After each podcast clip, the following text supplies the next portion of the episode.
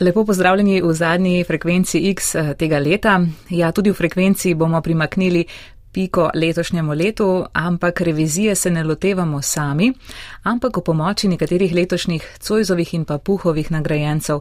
Tako boste lahko danes slišali, kakšni raziskovalni uspehi so njim prinesli to prestižno nacionalno priznanje o znanosti v Sloveniji in kaj je po njihovem zaznamovalo globalno znanstveno leto. Pregled ob njihovi pomoči pripravlja Maja Ratej. Frekvenca X. Radijski laboratorij na valovih znanosti.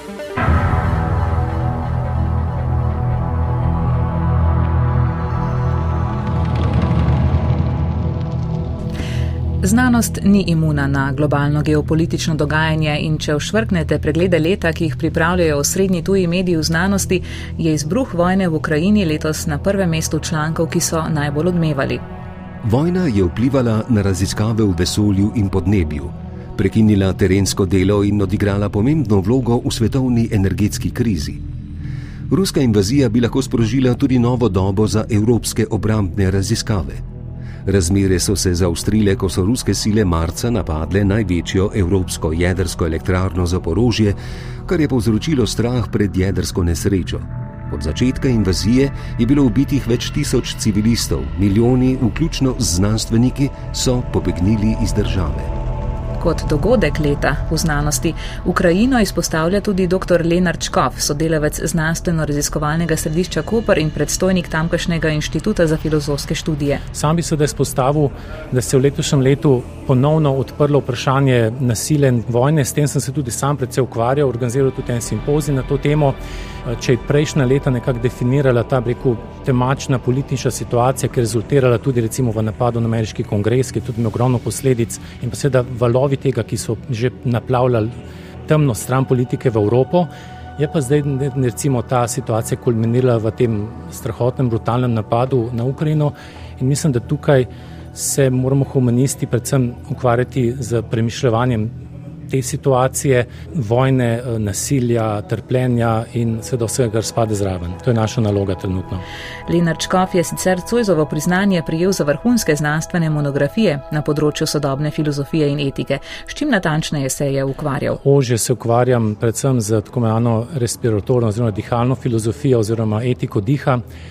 V tem okviru sem razvil nekaj novih metod za proučevanje dihanja, pozabe dihanja v zgodovini filozofije in tudi se v navezavi na sodobne fenomene, okoljske, zdravstvene, eh, socialne, politične. Eh, drugo področje, za katero sem nagrajen, je pa filozofija, v kateri se ukvarjam z pozabo ženskega principa v zgodovini filozofije. V tem okviru sem pa pač napisal knjigo Antigonine sestre, kjer obravnavam mito Antigoni v luči zgodovinskih, mitoloških in pa tudi sodobnih problemov Eh, feminističnega, filozofskega in seveda spolnega nasilja in podobnih zadev. Linačkov je ob tem povdaril, da se prek etike diha zauzema za univerzalno pravico do zraka in zapis te v ustavo, podobno kot pri vodi. Po njegovih besedah bi morala tudi humanistika bolj korenito pristopati k naslavljanju sodobnih problemov, tako vnesnaženja kot podnebnih sprememb.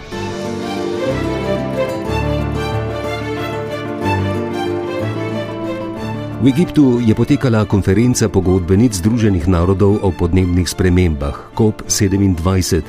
Že pred začetkom je bilo v znanstveni skupnosti zaradi politične apatije in načnosti čutiti precej malodušja, toda kljub temu je vrh postregel z eno svetlo izjemo.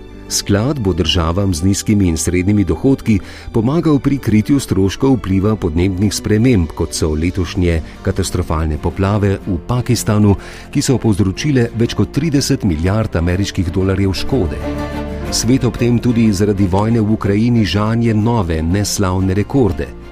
Zaradi visokih cen zemljskega plina so se nekatere evropske države spet bolj oklenile premoga, globalno smo proizvedli 37,5 milijard ton emisij oglika iz fosilnih goriv, kar je nov rekord. Mnogi svarijo, da se je okno za omejitev segrevanja na stopinjo in pol do dve stopinji Celzija nad predindustrijskimi temperaturami že zaprlo. Da so takšne situacije še en klic več k temu, da se kot družba globalno še bolj oklenemo znanosti in ji zaupamo, je ob tem prepričan naslednji prejemnik Cojzovega priznanja, dr. Blaž Likozar z Kemijskega inštituta. Bi lahko um, recimo um, izpostavili uh, nek zadnji preboj uh, ameriških znanstvenikov ne, na področju recimo nekih bolj neusahljivih ali pa pač eh, daljših virov energije. Mislim pa, da v, v širšem kontekstu je zagotovo to bila eh, vojna v Ukrajini.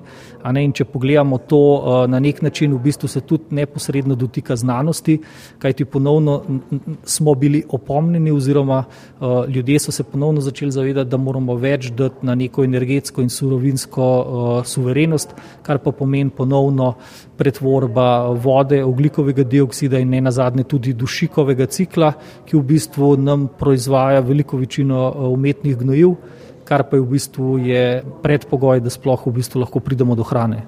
Imate morda kakšno stavo v glavi, do katerega leta bi nam lahko uspelo nekako obrzdati ta velik problem oglikovega dioksida v zraku?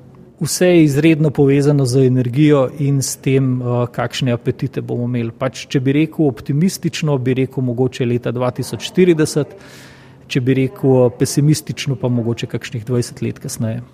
Cojzovo priznanje je sicer Likozar prejel za vrhunske dosežke na področju kemijskega inženjerstva. Zdaj vloga znanosti v današnjem času, mislim, da to vsi vsak dan opažamo, eh, je, da se ponovno oziroma vse bolj vrne v neko službo človeka. In zdaj katalizatorji in kemijsko inženirstvo v bistvu so tisti, ki naš vsak dan Eh, v bistvu lajšajo, na nek način nam omogočajo, da pridemo do enostavnih potrošniških kemikalij, do plastike, hkrati pa tudi lajšajo izzive, s katerimi se srečujemo, energetska revščina, eh, izpusti CO2. -ja. In v bistvu v veliki večini, v več kot 90 odstotkih teh postopkov nastopa kataliza. Ne? Seveda pa so s tem povezani tudi številni izzivi. Eh, tradicionalno je kataliza glavno vlogo igrala pri predelavi nafte, zemljskega plina, dan danes pa v bistvu Eh, so glavni nosilci, ki jih poskušamo pretvarjati, izredno obstojni. To je recimo oglikov dioksid ali voda za vodik. Iz večjih strani sem že slišala, da ste izjemno taki progresivni, odličen znanstvenik na nek način. Kaj po vaše dela uspešnega znanstvenika danes, recimo, da je uspešen tako doma kot na tujem? Uh, jaz bi rekel, da predvsem skupina, ker uh, v časi, v katerih živimo, uh, zahtevajo v bistvu izjemen skupinski napor in pač uh, tukaj velike zasluge gre v bistvu tudi uh, skupini, v kateri delujem. Po eni strani gre v bistvu za, za število in pomoč vseh sodelavcev, po drugem pa tudi za neko ogromno multidisciplinarnost, ki v bistvu je v današnjem času pravzaprav postala kar nek imperativ. Recimo v naši skupini imamo kemijske inženirje, kemike, strojnike, biokemike, fizike in tako naprej in vsak v bistvu doprinese nek košček mozaika. In sodelovanje igra izjemno pomembno vlogo na področju raziskav vesolja, kjer povezovanje narodov igra že prepoznavno simbolno vlogo. Nasin vesoljski teleskop James Webb, najkompleksnejši teleskop, ki je bil kdajkoli zgrajen, je letos po desetletjih načrtovanja dosegel svoj cilj v vesolju. Julija smo lahko tako opazovali prvo fotografijo, ki jo je ustvaril teleskop. Odstrla nam je 4,6 milijarde let staro jato galaksij, med drugim smo lahko na njej uzrli tudi nekatere doslej še nikoli videne objekte. Od poletja naprej nam ta 10 milijard ameriških dolarjev vreden dosežek človeštva redno pošilja navdušujoče slike, po mnenju številnih pa gre šele za ogrevanje. Zagon teleskopa James Webb kot najvidnejši znanstveni dosežek leta omenja naslednji letošnji Cojzo nagrajenec dr. Rok Žitko z inštituta Jožef Štefan. Pomatko najbolj najširše gledano, verjetno James Webb, uh, vesoljski teleskop, možnosti novih meritev, novih opazovanj, ki bo omogočal v prihodnih letih, ne, to, to bo sigurno uh, pač na tem področju opazovanja vesolja revolucija. Področje, ki je bliže mojemu delu, pa je verjetno tema, o kateri se je največ govorilo letos, so tako imenovane superprevodne diode. Skratka, gre za neke napravice, ki v eni smeri električni tok prevajajo popolnoma brez upornosti, ne, torej teče tisti pravi supertok, v nasprotni smeri imajo pa končno upornost. Tukaj ni šlo uh, za nek posamezen preboj na tem področju, ampak je približno sočasno večjemu številu skupin uspelo pokazati obstoj tega pojava v različnih napravah. Žitko je sicer Cojzovo priznanje prijel za razvoj teorije nanoskopskih kvantnih sistemov, med drugim pa smo ga v naših oddajah tudi že gostili kot zunanjega sodelavca pri seriji oddaj o kvantnem računalništvu, ampak takole mi je v naslednjih nekaj besedah in stavkih opisal, s čim točno se ukvarja. Ja, moje področje dela so tako imenovane kvantne nečistoče.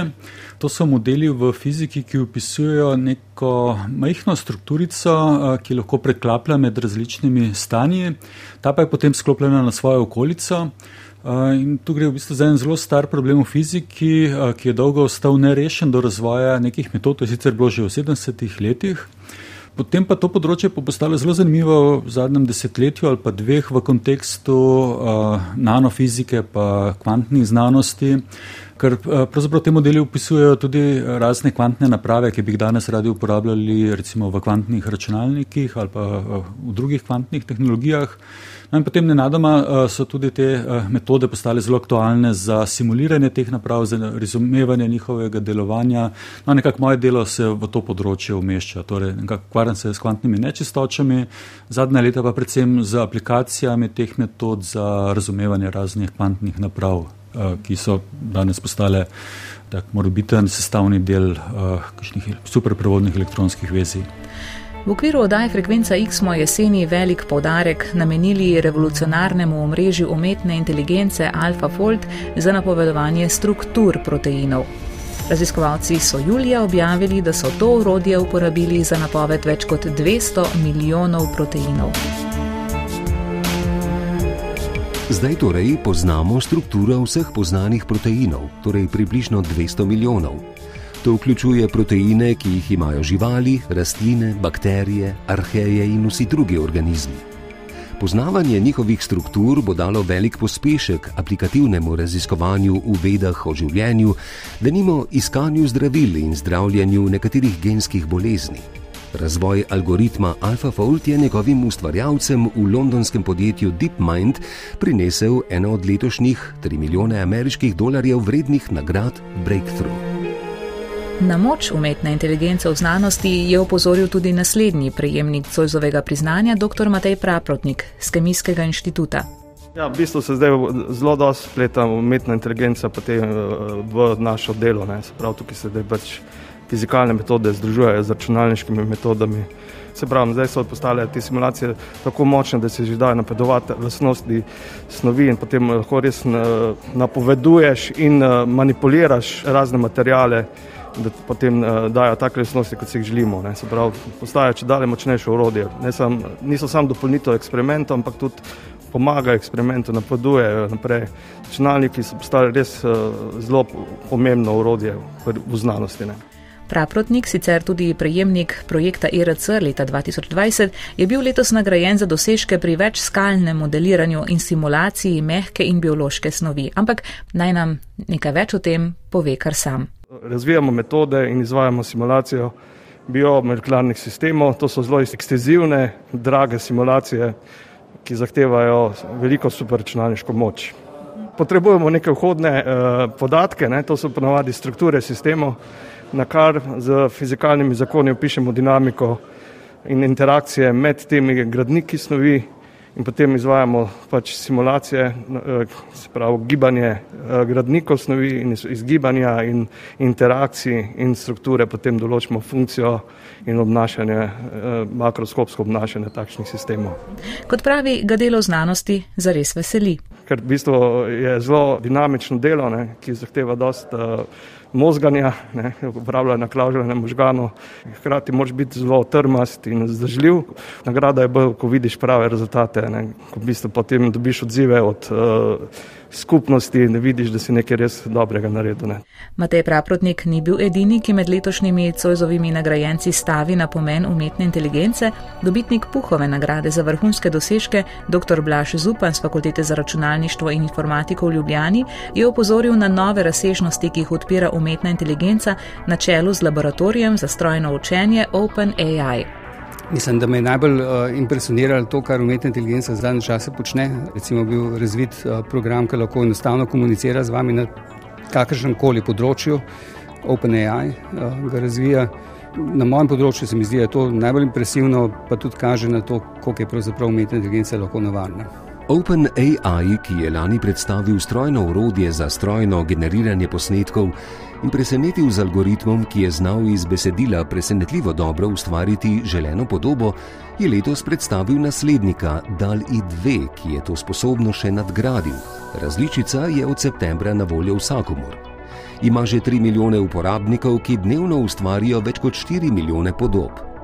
Ob tem omenimo, da je Shutterstock že sklenil dogovor, po katerem bo lahko v svojih zbirkah prodajal tudi rezultate omenjenega algoritma. Ampak nazaj k dr. Blažu Zupanu, ki je Puhovo nagrado skupaj z dr. Janezom Demšarjem prijel za vrhunske dosežke za razvoj orodja za podatkovno analitiko in strojno učenje Orange. Torej, z Janezom Demšarjem in uh, na enem laboratoriju smo razvili en program, ki demokratizira uporabo strojnega učenja in umetne inteligence in pravzaprav omogoči to, da lahko morda vsak, um, ker recimo kakšen trening par urni, imel skozi razume, kakšna je vloga podatkov in kaj se da z njimi narediti. Ja, mislim, da ga razvijamo že kakšnih 25 let. Na razpolago je pač je zastojn in ga uporablja tako industrija kot uh, akademija, univerze. Vemo, da poučuje vsaj 500 univerz na svetu z njim umetno inteligenco, strojno učenje. Uh, zadnje času pa ga želimo tudi uvesti v pouk raznih predmetov, recimo geografije, slovenščine, angliščine in podobnega v osnovni in srednje šole Slovenije. A ste pričakovali, da bo to nastalo iz njega, da bo tako močno popularen? Ne. S kakšnim namenom je bil razvit? Mislim, da smo z Janzom enostavno uživali v tem, da nekaj počneva, kar se nam je zdelo v redu in tako nastal. Na področju medicine je letos morda najbolj odmevala januarska novica, da so v človeka prvič presadili srce gensko spremenjenega prašiča. Američan Bennett je po presaditvi preživel še 8 tednov. Nekaj mesecev pozneje sta dve ameriški raziskovalni skupini neodvisno poročali o presaditvi prašičjih ledvic trem možgansko-klinično mrtvim ljudem. Njihovo telo organov ni zavrnilo in je začelo proizvajati urin. Še ena letošnja Cojzova nagrajenka, dr. Tejala Nišni Križner z Ljubljanske medicinske fakultete, pa ob tem prav tako stavi na vlogo umetne inteligence v medicini. Na področju raziskav, s katerimi se ukvarja naša skupina, pa je jasno, da se razkriva velik pomen umetne inteligence, razkriva se vloga mikrobioma, se pravi mikroorganizmov, ki naseljujejo naš organizem in imajo pomembno vlogo tudi pri hormonsko odvisnih rakih. Vsako leto pa dejansko študije prispevajo tudi en kamenček v mozaik razumevanja kemorezistence.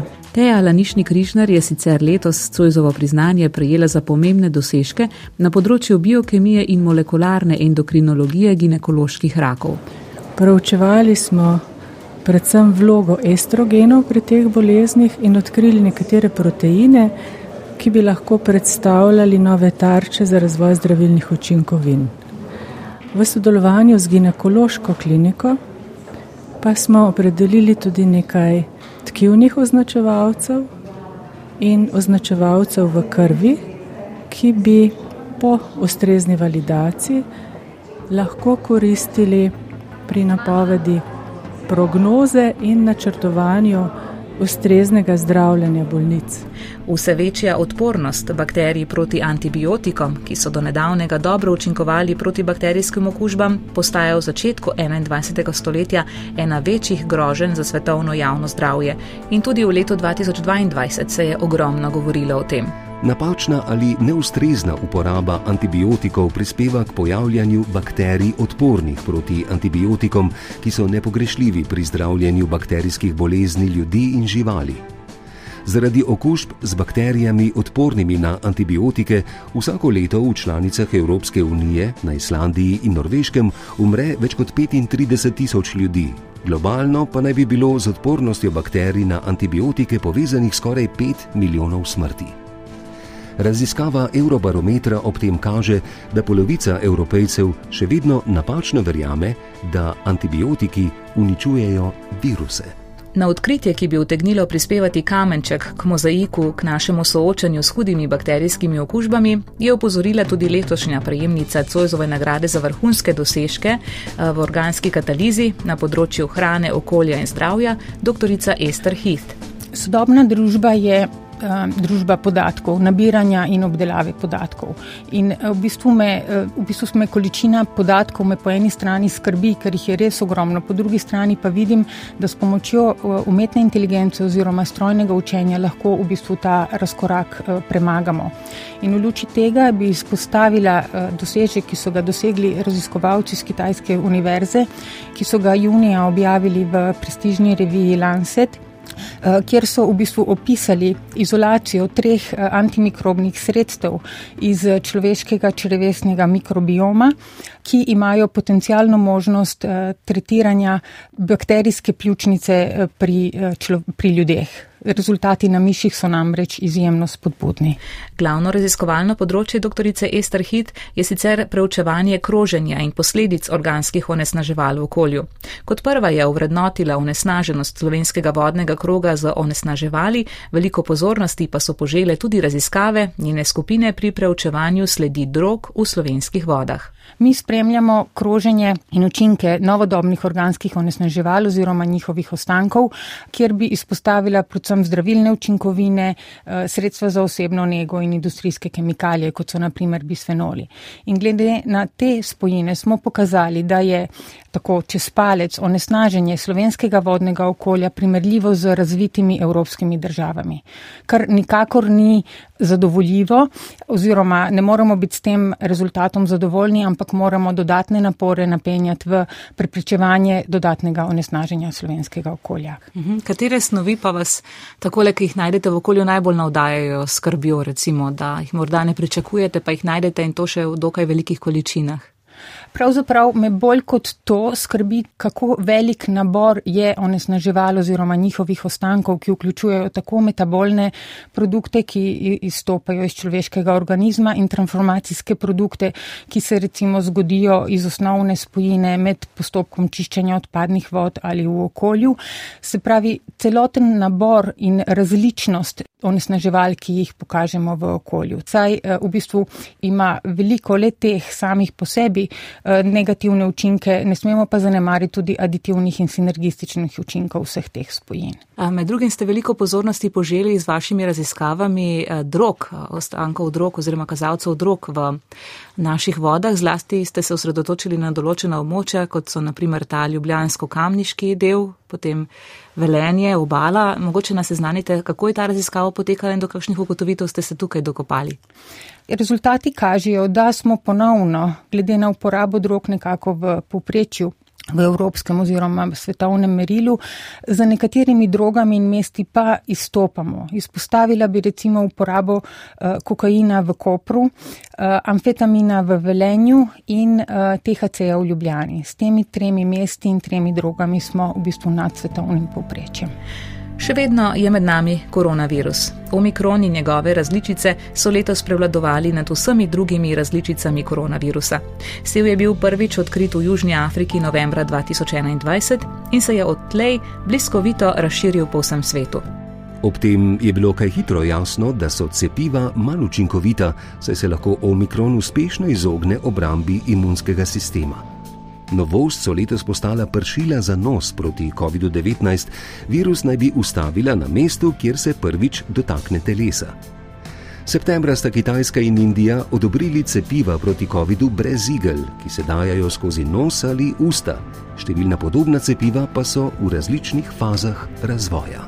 Na napredek cepiv je opozorila dr. Maja Ravnikar, ki je letos prejela Cojzovo nagrado za vrhunske znanstvene dosežke. Ta nevreten napredek pri mRNA cepivih, ne, ki so se pravzaprav razmahnila z pojavom SARS-CoV-2. Ampak kako hitro smo dobili recimo cepivo za omikron, in v letošnjem letu je bilo v Lancet Infectious Diseases objavljeno tudi cepivo proti malariji. Po tolikem času ne, so, so uspeli z mRNA tehnologijo pripraviti zelo učinkovito, mislim, da poročajo 80% učinkovitosti, in hkrati so pripravili v letošnjem letu tudi cepivo, ki pokriva vse uh, različice virusa gripe ki okužujejo živali. Ne? In to je ogromen preboj. Ne? Če samo pomislimo, kaj pomeni gripa na svetovnem nivoju, konc konov, kaj tudi pomeni SARS-CoV-2 na svetovnem nivoju. Ne? Tako da bi to rada izpostavila kot en tak eden od uh, svetovnih dosežkov. Maja Ravnikar je sicer nagrado prejela za revolucionarne premike pri odkrivanju virusov, diagnostiki in odstranjevanju patogenih virusov po eni strani smo začeli iskati te viruse v, v vodah, po drugi strani smo pa naredili poskuse, kaj se zgodi, če rastline, zdrave rastline gojimo v vodi, v katere dodajemo infektivne viruse, oziroma so v stiku z rastlino, ki je okužena s temi virusi, in smo ugotovili, da dejansko prihaja do uh, okužbe teh rastlin, da to ni zelo pogost pojav, se pa dogaja v recimo nekaj mesecih, se to zgodi, ko je pa enkrat rastlina okužena, potem gre pa zelo hitro Eh, okužba naprej po klasičnih poteh, to se pravi mehansko, z dotikom, z različnimi žuželkami. In uh, hkrati smo pa razvili metode, ki nam omogočajo eh, koncentriranje virusov, pa tudi nukleinskih kislin iz vode, To je seveda omogočil napredek tehnologije, za koncentriranje smo pionirsko uporabljali cim pametne filtre podjetja Bioseparations in z njimi uspeli koncentrirati viruse na tak način, da smo jih lahko potem tudi dokazali z novimi molekularnimi tehnikami, ki bazirajo na PCR. To je uh, digitalni PCR, smo bili tudi prvi v svetu, ki smo objavili Eh, analizo eh, RNA virusov za to tehnologijo, kaplična, eh, kaplični PCR, ki jim omogoča boljšo zaznavo. In hkrati smo tudi eni izmed pionirjev razvoja tehnike visoko zmogljivega sekvenciranja, ki nam pa omogoča, da lahko v vsakem vzorcu določimo vsako RNA ali DNA, ki je tam prisotna to se pravi žive organizme, mrtve organizme ali pa samo njihov genetski material. To je pa res revolucionarna tehnika na področju virusov, ker pravzaprav tukaj ne poznamo nekih drugih generalnih tehnik, kot recimo pri bakterijah ali pa pri drugih, eh, pri, živa, pri nekaterih živalih. Ne. Tako da je ta kombinacija metod, ki smo jih nekako razvijali, seveda skupaj z sodelavci. Tudi drugimi, ne, recimo z Bioseparations, nam je omogočila, da smo kar naenkrat odkrili, kaj vse je v vodi. Ne, tako v vodotokih, v rekah, v vodi, ki se uporablja za namakanje, in tudi v odpadnih vodah, kjer smo pa postavili hipotezo, da in so tudi potrdili, da odpadna voda pravzaprav pokaže zbir, kaj se dogaja v tistem okolju, odkuder voda prihaja. Ne glede na to, ali so to farme, živalske farme ali to mesto. Ne, in od tukaj naprej potem tudi ta ideja o določenju SARS-CoV-2 v odpadni vodi. Za tokratno oddajo Frekvenca X sem se pogovarjala le s približno polovico letošnjih prejemnikov najbolj prestižnih priznanj znanosti letos. Zato naj omenim, da sta nagrado za življensko delo prijela eden od utemeljiteljev medicinske molekularne biologije in genetike, dr. Radovan Komel in dr. Marjan Pavčnik, ki je s svojimi deli pomembno prispeval k razvoju pravne teorije in razumevanja prava v slovenskem prostoru. Puhovo nagrado za življensko delo pa je prijel dr. Uro Stanič za pionirski prispevek pri razvoju funkcionalnih električnih stimulatorjev, slovenskih industrijskih robotov in robotizacije. Sojzovo nagrado za vrhunske znanstvene dosežke sta prejela še dr. Nada Laurač na področju strojnega učenja in dr. Bojan Kuzma za dosežke na področju linearne algebre. Med nagrajenci so bili še dr. Lidija Čuček za področje procesne sistemske tehnike, dr. Janez Demšar za razvoj orodja za podatkovno analitiko in strojno učenje Orange in dr. Nataša Obermajer, ki je zaradi uspehov pri raziskavah in razvoju inovativnih imunoterapij rakavih obolenj postala ambasadorka znanosti Republike Slovenije.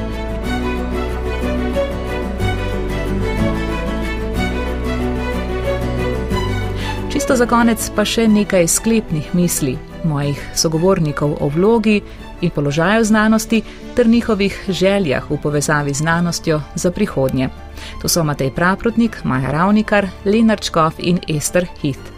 Ja, v bistvu bi rad eh, našo lokalno okolje da postane malo bolj dinamično. V bistvu problem je, da imamo z mlajšimi, pametnimi, sposobnimi ljudmi, ki je zelo velika umetnost najti. V bistvu ni to niti ni beg možganov, odprt sistem je postal. V bistvu, uh, na odprtem trgu smo ne? in ljudje odhajajo v tujino, hkrati bi pa mogli te ljudi nekako nadomestiti, ne? pa oziroma nazaj privabiti te zelo dobre, kar je pa zelo težko, ne? z tem, da pač imamo malo omejene možnosti. Zdaj s tem superčnalnikom v Mariboru smo dobili urodje, no zdaj rabimo pa še ljudi mi zdi, da je to ta glavni kader, je trenutno najbolj pereč problem. To zavedanje, da je pravzaprav znanost začetek vsakega napredka in da ni slabe znanosti, lahko je slaba samo uporaba rezultatov znanosti. To je pa izjemno pomembno. In kar se mi zdi pomembno, je to, da znanost ostaja neodvisna, da to razumejo odločevalci in seveda tudi politiki, ker trenutno se dogaja to, da tisti, ki ima največ denarja, pravzaprav lahko naredi v znanosti največ in smer, v katero gre in kako popularizira svoje rezultate, predvsem to, je odvisna od količine denarja, če pogledamo res te najbogatejše ljudi na svetu. In to je nevarnost, ki jo treba prepoznati, kar pomeni, da mora politika razumeti znanost, in po drugi strani se moramo znanstveniki izjemno in dodatno potruditi, da svoje raziskovalne dosežke jasno komuniciramo in predstavljamo splošni javnosti, politiki in odločevalcem.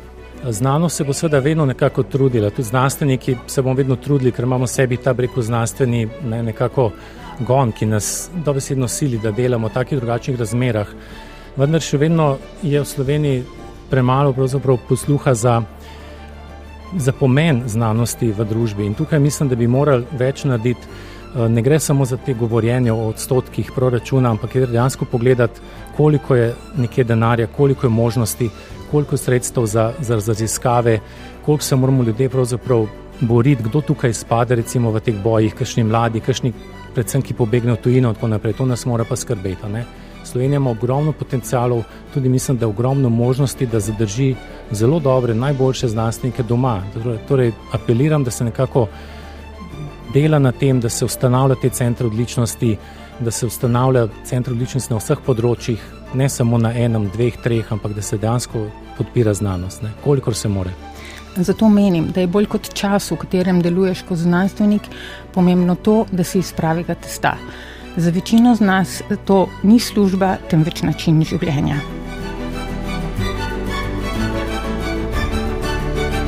In k temu se pridružujemo tudi v ekipi Frekvence X in radiovednih.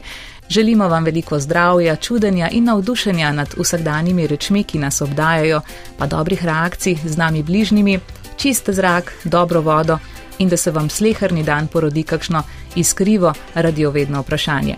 Frekvenca X se tudi v novem letu obdaja s prijatelji, zato sem k tokratnemu voščilu povabila tudi njih. Živijo je samo mojca delač, na prvem programu pripravljamo dajo možgani na dlani. Če je plastika, ki je res dobra, je to neuroplastičnost naših možganov. Zato vašim želim, da jih gnetete zelo skrbno in pazljivo in da to neuroplastičnost izkoriščate za dobro, sploh pa da svoje možgane tudi fantastično povezujete z dobrimi drugimi možganmi, kajti potem se zares dogodi mnogo priložnosti in mnogo dobrega.